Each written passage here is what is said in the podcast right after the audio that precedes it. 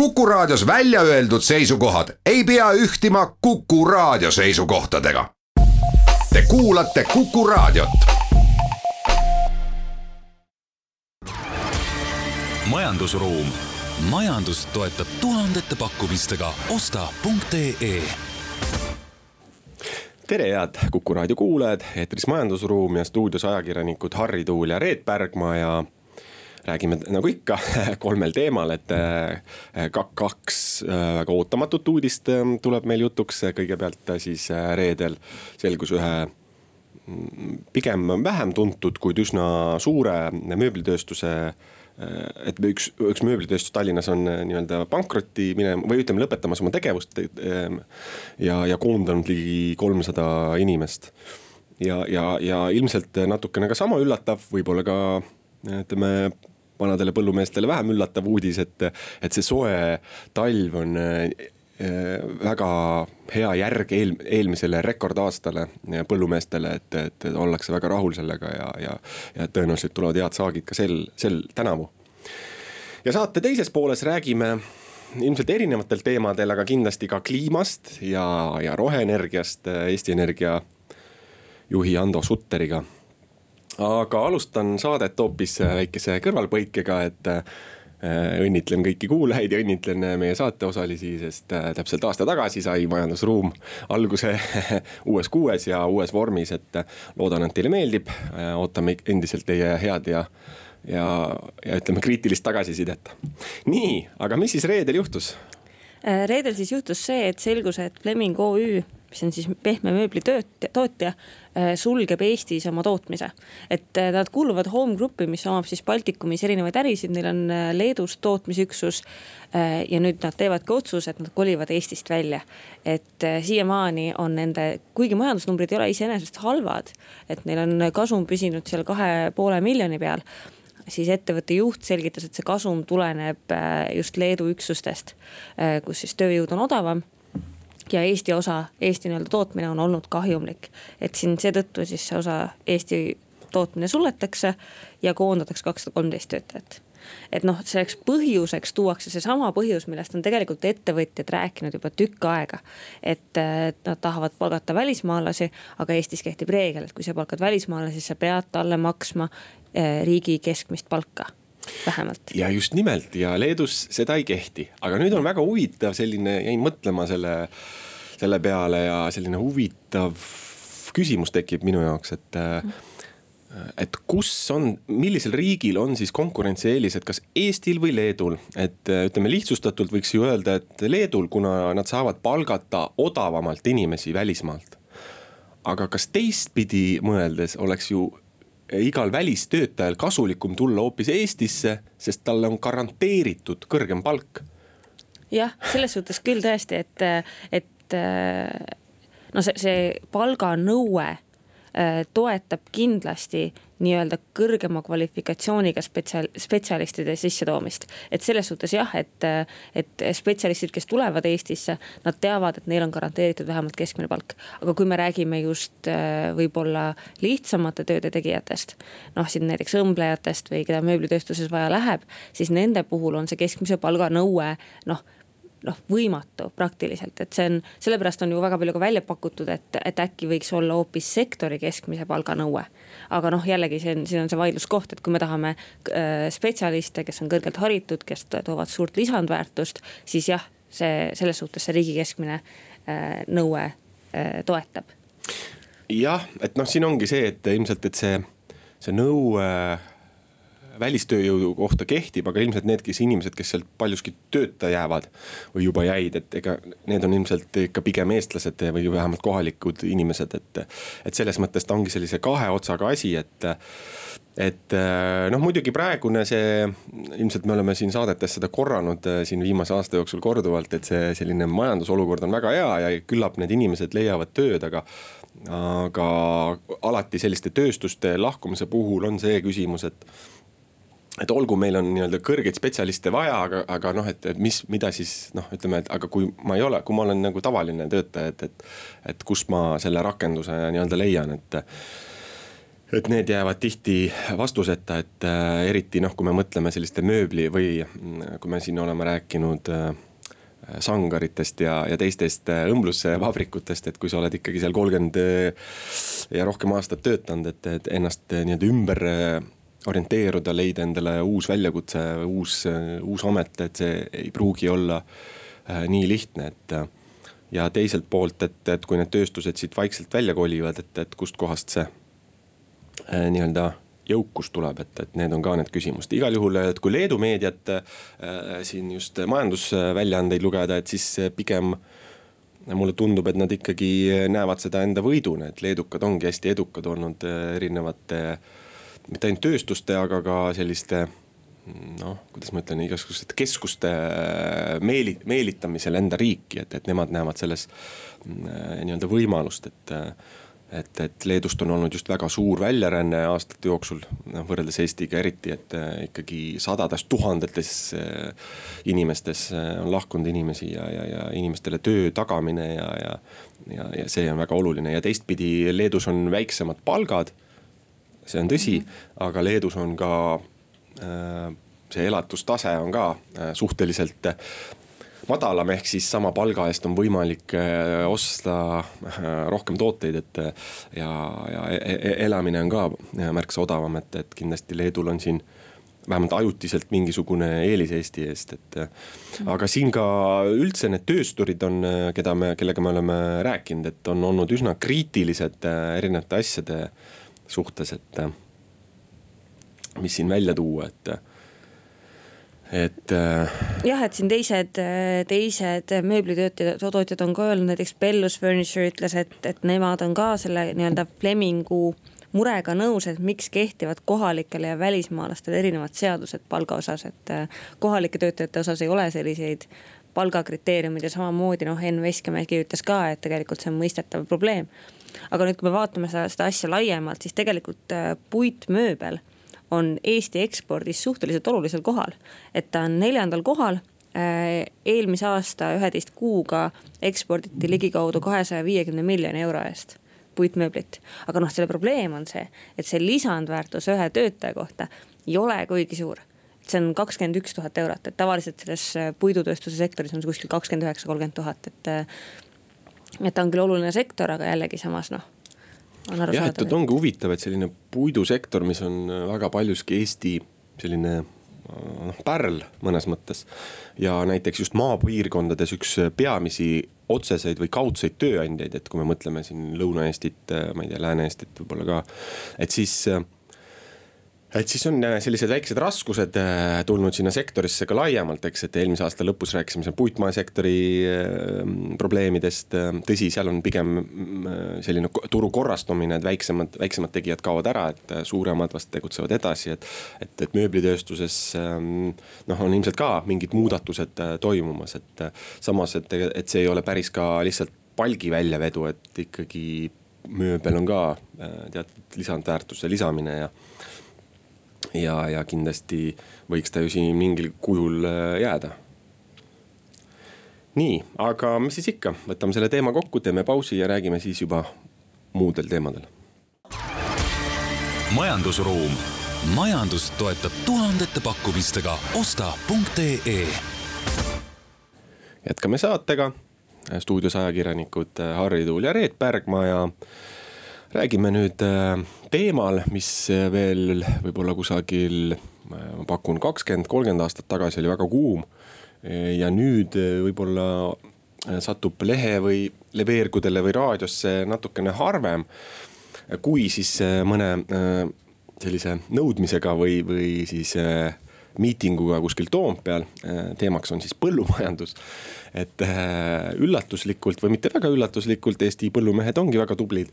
et oli eelmine aasta oli väga edukas aasta just näiteks teravilja äh, saagi poolest, et äh, löödi kõiki rekordeid, vaatamata sellele, et vahepeal seal isegi ilm läks natukene jälle halvaks, et. et mäletan, et siin veel sajandi alguses oli ikkagi tüüpiline selline põllumehe vastus see, et, et ütleme igal, igal juhul tuli mingi ikaldus ikka tuli või mingi jama, et siis. et siis nüüd viimased uudised on küll väga positiivsed, et, et nii mullu oli väga hea aasta ja nüüd, kui hakkasime uurima, et kuidas ilm on äh,, mõjub põllumeestele, siis selgus, et, et ka sellega ollakse väga rahul, et kui kõik nutavad siin, et kuhu lumi, miks lumi taeva jäi või miks kliima soojeneb, siis äh, äh, siis meie, siis põllumehed vastupidi rõõmustavad, et sest et ka see, et see ennustab samamoodi väga head saaki jah, et eriti pannakse praegu rõhku sellele taliviljale, et äh, siin äh, viljakasvatajad on öelnud, et kui nüüd ainult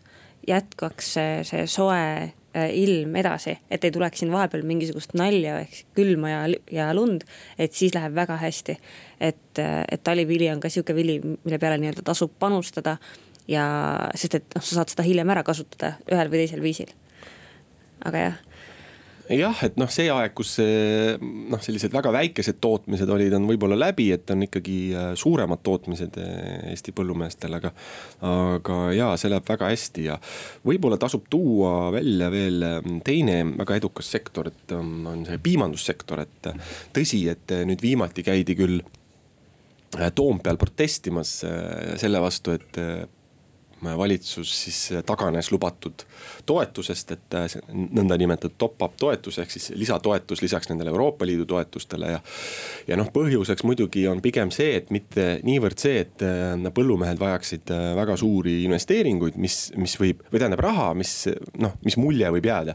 vaid pigem küsimus on sellises ebavõrdsuses, et nimelt Lääne-Euroopa põllumehed Prantsusmaal eelkõige Äh, nende toetused on palju suuremad ja ja äh, noh, et siis Eesti põllumehed satuvadki selles, äh, sellises turuolukorras sellisesse ebavõrdsesse seisu, et tegelikult ongi öeldud, et, et on kaks varianti laias laastus, et kas need toetused võiksid olla siis üle Euroopa Liidu võrdsed.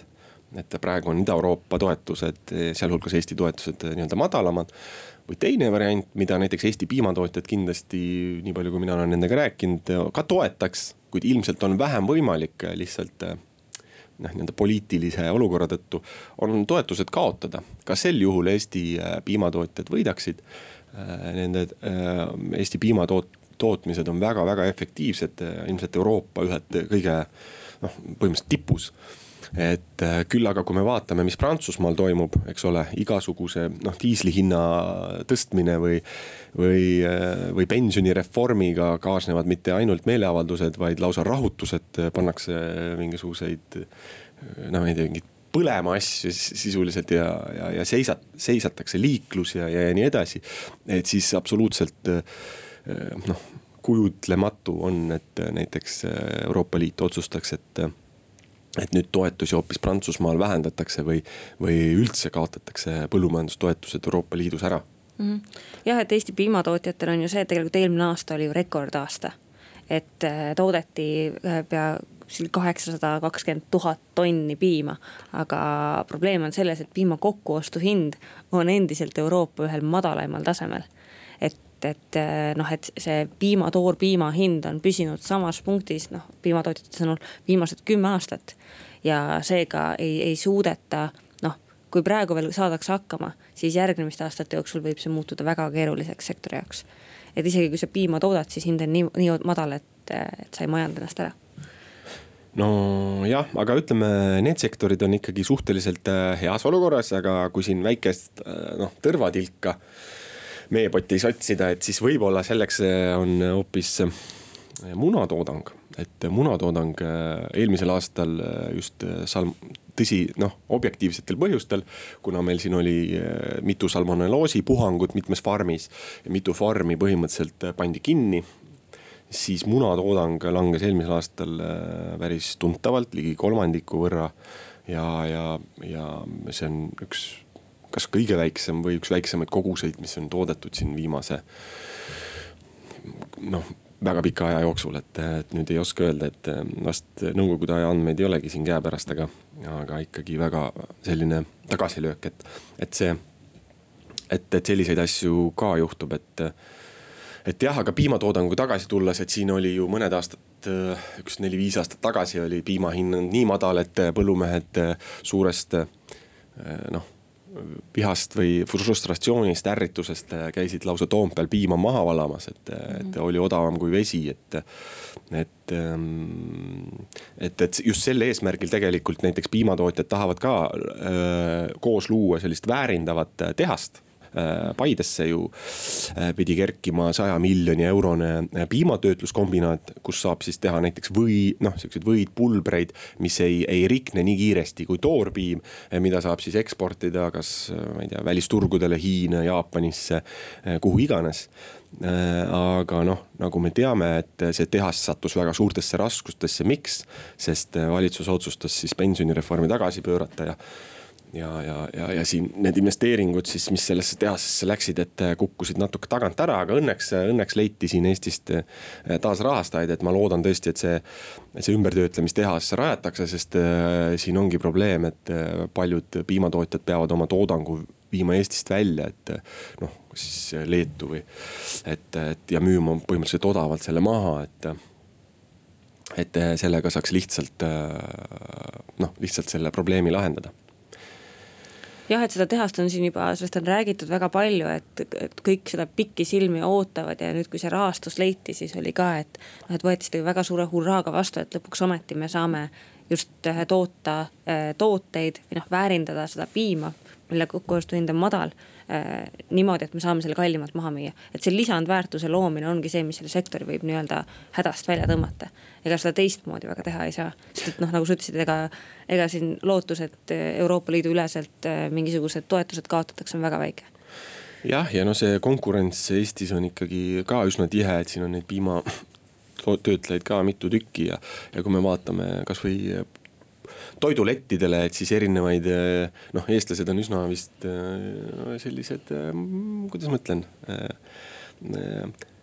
pirtsakad on võib-olla vale sõna, aga tahavad kiiret muutust, et kui me vaatame, kui palju erinevaid piimatooteid meil lettidel on ja, ja sõita kuhugi Lääne-Euroopasse, et.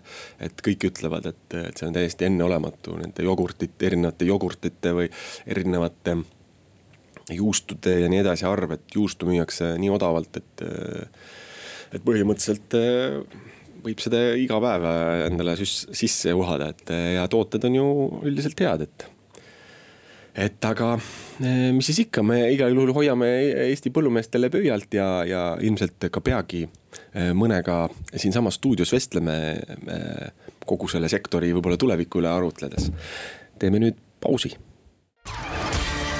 majandusruum majandust toetab tuhandete pakkumistega osta.ee jätkame saatega, stuudios ajakirjanikud Harri Tuul ja Reet Bergmann ning meil on külas äh, Eesti Energia juht äh, Hando Sutter, et äh, eelmises ähm, saatelõigus rääkisime just sellest, et põllumehed on üsna rahul tegelikult selle ilmaga, et see saagi, saagile mõjub pigem hästi, et kuidas Eesti Energiale tänavune lumevaene talv on mõjunud? tere päevast. See, see talv on väga eriline, see on fakt ja, ja, ja kindlasti energiasektoris eh, tänapäeval eh, ilm mõjutab meid mõlemat pidi, nii tarbimist kui ka tootmist, et järjest rohkem tootmist sellepärast, et järjest rohkem energiat toodetakse tuulest ja hüdroenergiast, ka päikesest. nii et, et jah, ta on väga teistsugune kui keskmine aasta ja väga-väga teistsugune näiteks kui eelmise aasta jaanuar, kus oli üsna korralik talv, kui veel mäletate, et äh, siis see aasta on, öeldakse, et kuuekümne aasta kõige soojem ja lund ei ole, sellest on hästi palju vett, on ka hästi palju tuult äh, ja kokku see tähendab seda, et tarbijad peaksid rahul olema äh, elekter on odav, sellepärast et nõudlust on vähe ja pakkumist on hästi palju, turg toimib, hind on madal. aga kuidas te praeguse madala hinnatasemega börsile pääsete põlevkivielektriga? eks me niimoodi pääsemegi, et, et äh, jaanuar oli meie, meie jaoks äh, ajalooline, et esimest korda vist äh, üldse ajaloos me andmed küll avaldame ametlikult hiljem, et ma kõike ei tohi rääkida, aga nii palju ma võin öelda, et taastuvenergiat Eesti Energia tootis rohkem kui siis Narva elektrijaamad tootsid elektrit, et see on tõesti midagi midagi, midagi uut ja siin on mõlemat, et ühtepidi tegime kuise tuuleenergia rekordi, lihtsalt tuult oli väga-väga palju, mäletate, et tuul oli tuuline. ja teistpidi siis jälle põlevkivist toodetud elekter väga turule ei pääsenud, sellepärast et CO2 hinnad on kõrged ja elektrihinnad on olnud suhteliselt madalad, nii et head ja halba no põlevkivist äh, ei saa siiski e, üle ega ümber, et siin äh, valitsus otsustas, et ikkagi see põlevkivivõimekus peab Eesti Energiale jääma, et. et kui see nüüd kaoks või ei kaoks, et kui oluline see üldse seal ütleme regioonile on, äh, põlevkivienergia seda, seda tuleb vaadata hästi mitmes võtmes, et äh, kindlasti esimene asi, mida valitsus vaatab, on varustuskindlus. ja, ja me peame äh, olema valmis siis erinevateks olukordadeks, et äh, ütleme, et kui see jaanuar oleks, oleks nüüd teine ekstreem mm, -hmm. et mhm. oleks hästi külm. oleks hästi kuiv, et hüdrot oleks vähe, tarbimine oleks hästi suur. ja siis veel juhtub mõni tõrge ka kuskil süsteemis, et näiteks mõni välisühendus kukub maha, mida võib aeg-ajalt juhtuda. et siis Eestis oleks kindlasti elekter olemas. ja selleks olukorraks jah, meil on eelmisel suvel siis äh, praegune valitsus on äh, meile andnud sellise ootuse, et vähemalt kahekümne kolmanda aasta lõpuni tuhat megavatti juhitavat äh, tootmisvõimekust meil peab olemas olema. palju me temaga turule saame, palju me reaalselt elektrit toodame, see paistab, aga, aga selline see ootus on ja seda me kindlasti täidame. ja teine aspekt on siis loomulikult majanduslik aspekt, et, et me selle kõige juures peame ära majandama ja loodetavasti ka riigile dividende suuta maksta. ja, ja tegelikult Äh, riigile laekub meilt ka hästi palju makse, me oleme üks Eesti suurimaid maksumaksjaid. ja, ja paljud on töö, tööjõuga seotud maksud ja teatavasti meil ikkagi töötab äh, täna oluliselt vähem inimesi kui aasta tagasi, nii et. Äh, see tekitab sotsiaalseid probleeme, millega riik peab hakkama saama ja teistpidi ka maksutulud vähenevad riigil, nii et siin on neid mõõtmeid on hästi palju tegelikult majandustulemustest rääkides, et eelmine aasta oli Eesti Energia jaoks natukene keeruline, et eh, just see, noh, mis meil siin suvel toimus. Eh, et eh, majandustulemusi ei ole veel väljas, aga kas te oskate äkki avada, et mis me, mis me seal näha võime? jah, ma ei tohi sellest liiga palju hetkel rääkida, aga, aga noh, mida ma võin öelda jah, et see aasta oli meie jaoks üsna keeruline aasta, et ta oli hästi kiirete muutuste aasta aga me saime sellega hakkama ja saime hakkama tänu sellele, et me selleks muutuseks äh, valmistuma oleme hakanud juba päris, päris ammu. et ma võin öelda seda, et meie kõige kasumlikum ettevõte ei olnud äh, see ettevõte, mis opereerib Narva elektrijaamasid, mis on ka natuke võib-olla oodatav. aga oli meie taastuvenergia ettevõte, mida kolm aastat tagasi sellisel kujul ei olnud isegi olemas. et et tõesti need asjad on toimunud äh, väga kiiresti.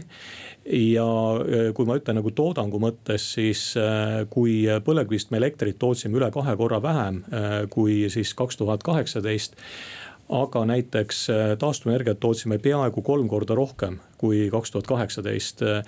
ja, ja võib-olla selline huvitav fakt veel, et Eesti Energia, Eesti Energia müüs oluliselt rohkem energiat eelmine aasta siis elektrienergiat, kui me ise tootsime.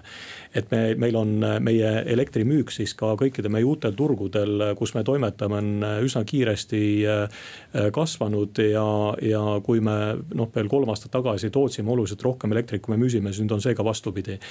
Äh, nii et äh, jah, väga, väga, väga pöördeline aasta, aga, aga ma ma ütleks, et realiseerub see, milleks me, mida me olime oodanud ja milleks me olime ka palju ettevalmistust teinud no üks asi, mis teid kindlasti tugevalt mõjutab, on äh, erinevad need kliimanõuded, et, et on, oled noh, on välja toodud, et tänu sellele põlevkivielektri siis vähenemisele on ka see saaste.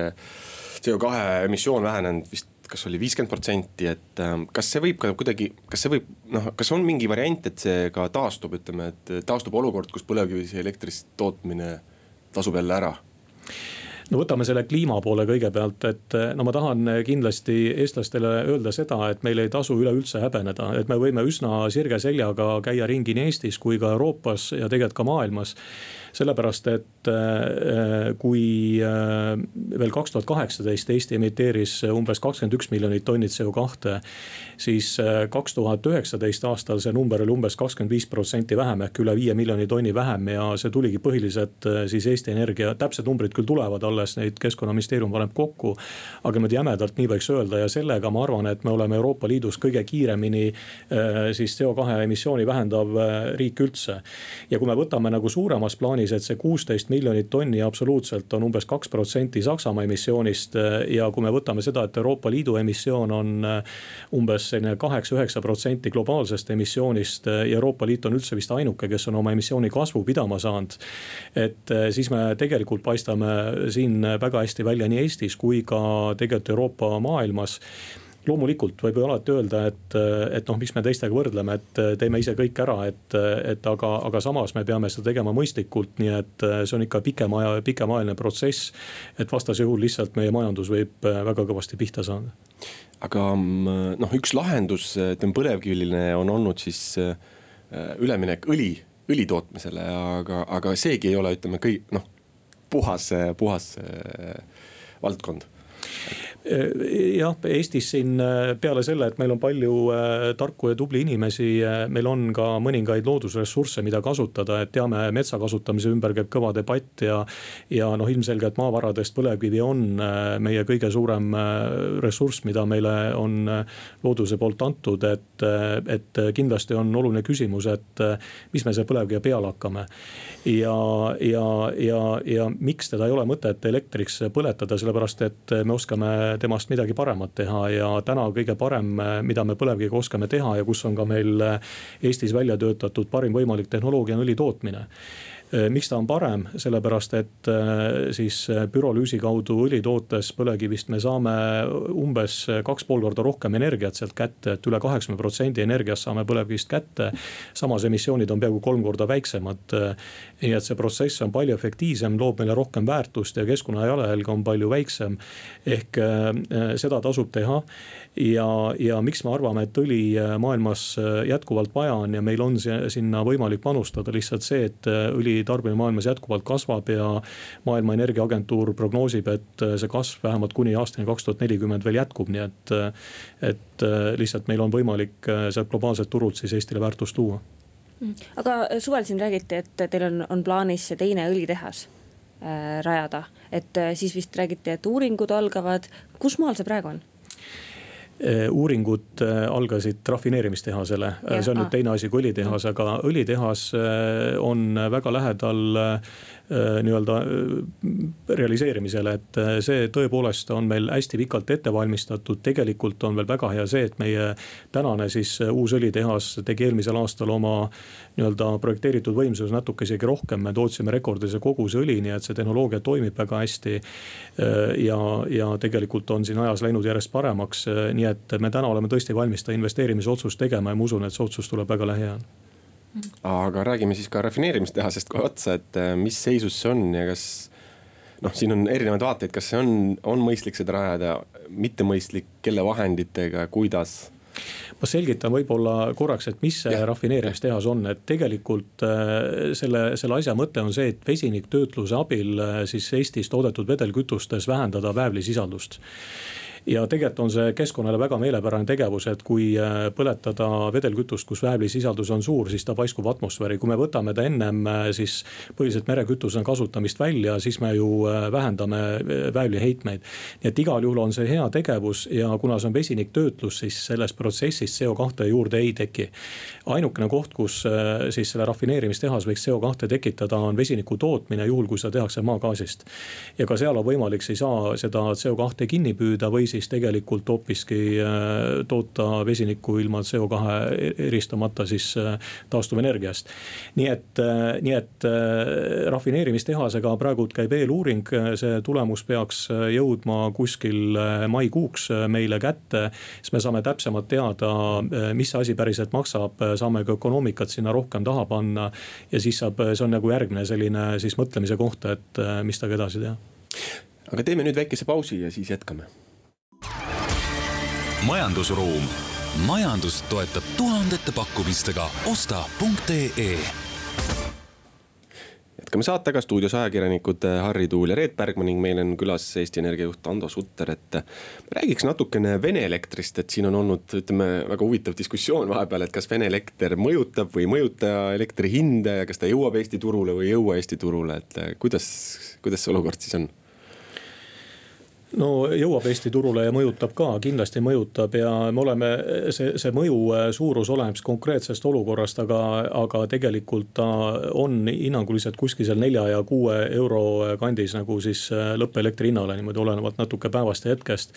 et äh, noh, kui natuke seda olukorda kirjeldada, et see on natuke nagu see alkoralli, et kui me väärtuspõhisest kehtestasime siis kõrgema alkoholiaktsiisi Eestis ja, ja, ja ütlesime, et see on selleks, et rahva tervis oleks parem parem ja neid probleeme, mis alkohol tekitab, oleks, oleks vähem ja siis selle peale läksime aastavahetuse alkoholi ostma nagu Läti piirile. siis siin tundub, et elektris on meil umbes samamoodi, et meil on Euroopas väärtuspõhine nii-öelda keskkonnamaksud kehtestatud ja näiteks Narvas elektrit tootes põlevkivist meil täna keskkonnamaksud moodustavad umbes kaks kolmandikku. mitte, mitte kolmkümmend protsenti, aga kaks kolmandikku siis sellest elektri omahinnast. ja kui nüüd keegi seesamale turule tuleb, kes seda kahte kolmandikku omahinnast maksma ei pea, siis on üsna selge, et meil on väga-väga keeruline konkureerida.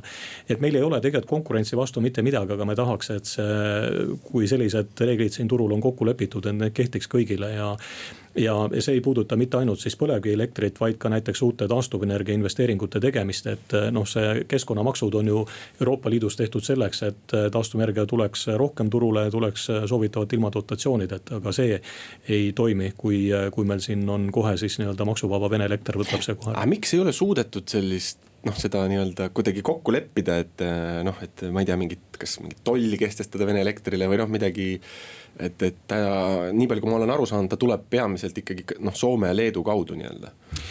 No ma arvan, et äh, võib-olla äh, poliitika kujundajatele tuli see kõik ka natukene nagu liiga äkki, et sest CO2 hind ju tõusis sisuliselt üheksa kuuga viis korda Euroopa Liidus.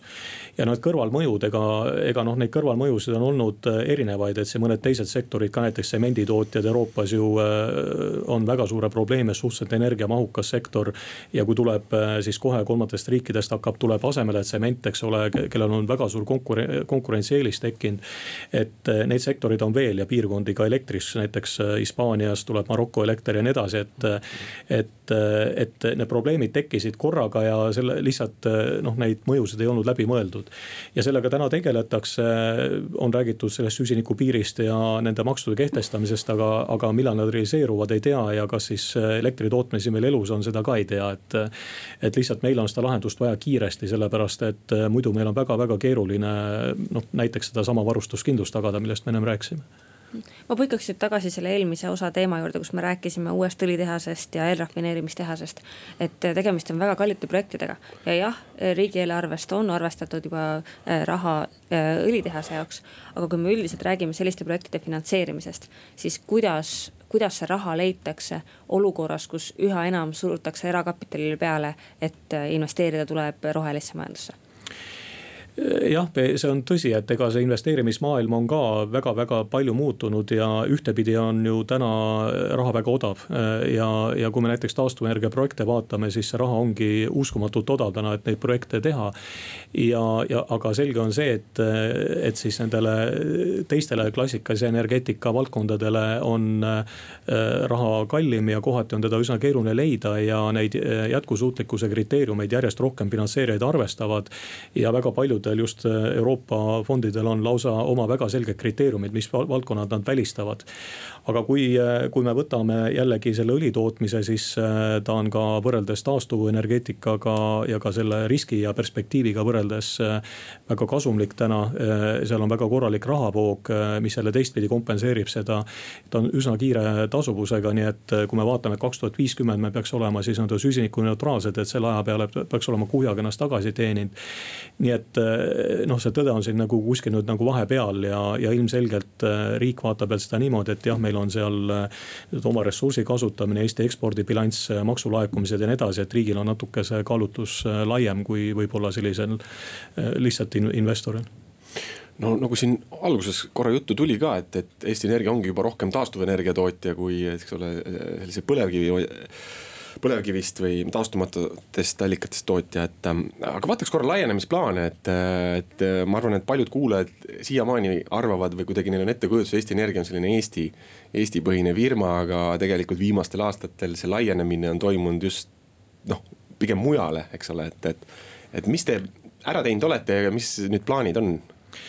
Jah, kõigepealt äh, kordame siis korraks üle, et kus me toimetame, et äh, tegelikult Lätis, Leedus Eesti Energia on olnud üle kümne aasta juba ja, ja selgelt Lätis number kaks tegija siis kohaliku energiaettevõtte järgi ja Leedus ka üle kümne aasta ja seal ka ikka top viies kaks aastat tagasi läksime Poola, me oleme Poolas hästi kiiresti kasvanud ja tegelikult oleme veel Soomes ja Rootsis.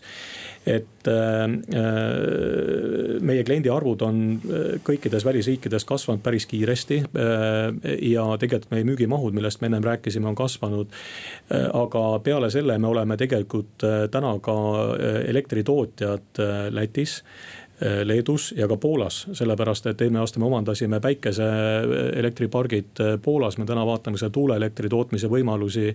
ja tegelikult äh, tuuleenergiat me näiteks Leedus toodame rohkem kui Eestis. et mm., et selles mõttes tõesti jah, et ka elektri tootmise mõttes me oleme täna juba neljas riigis ja tegelikult vaatame natukene Soome võimalusi. nii et tõesti võib öelda, et me kasvame teistes riikides päris kiiresti, mis ei tähenda kindlasti seda, et me Eestit silmas ei peaks ja me tahaks äh, Eestis ka kasvada, aga, aga lihtsalt äh, jah, et Eesti suurus ja äh, paneb natukene siin nagu piirid ette. kas võib olla äh, koidab päev, kui Eesti Energia, ma ei tea, põhiturg või põhisissetulekud tulevad pigem mujalt kui Eestist? Jah, see, see võib nii olla, aga ta ei, ta ei, ta ei pea niimoodi olema ja, ja, ja kindlasti on, on see, et, et me siin toimetame laiemalt kui Eestis, on hea ka kindlasti Eesti tarbijatele, sellepärast et kui me näiteks võtame sellesama meie äh, platvormi, millega me kliente teenindame Eestis ja see vajab jätkuvalt arendamist ja päris suuri investeeringuid, kui me teeks seda ainult Eesti klientidele. see investeering kliendi kohta oleks suurem või kui me investeeriks vähem, siis kliendid ei saaks head teenust meie käest, nii et kui me need investeeringud lepingut äh, suudame nagu realiseerida suuremale kliendibaasile, mis on siis kõikide naabrite juures ka, et siis päeva lõpuks sellest peaks ka Eesti kliendid võitma ja selgelt äh, klientidele suunatud teenused on meie äh, siht. me tahame olla nii-öelda teenindusettevõte, teenusettevõte ja klientidel on täna palju rohkem vabadusi, kui lihtsalt elektrit osta kellegi käest, et. kuni sinna välja, et kliendid saavad ise elektrit toota, saab tegeleda oma energiaefektiivsusega. noh, ütleme, et elektriautod, elektritransport on siin teema, et kus me tahame kindlasti kaasas kaasas olla klientidega nende teekonnal, nii et. Neid äh, kokkupuutepunkte, kus me klientidega kokku puutume, tuleb järjest juurde ja, ja me tahame siin igal pool olla nagu eestvedajad.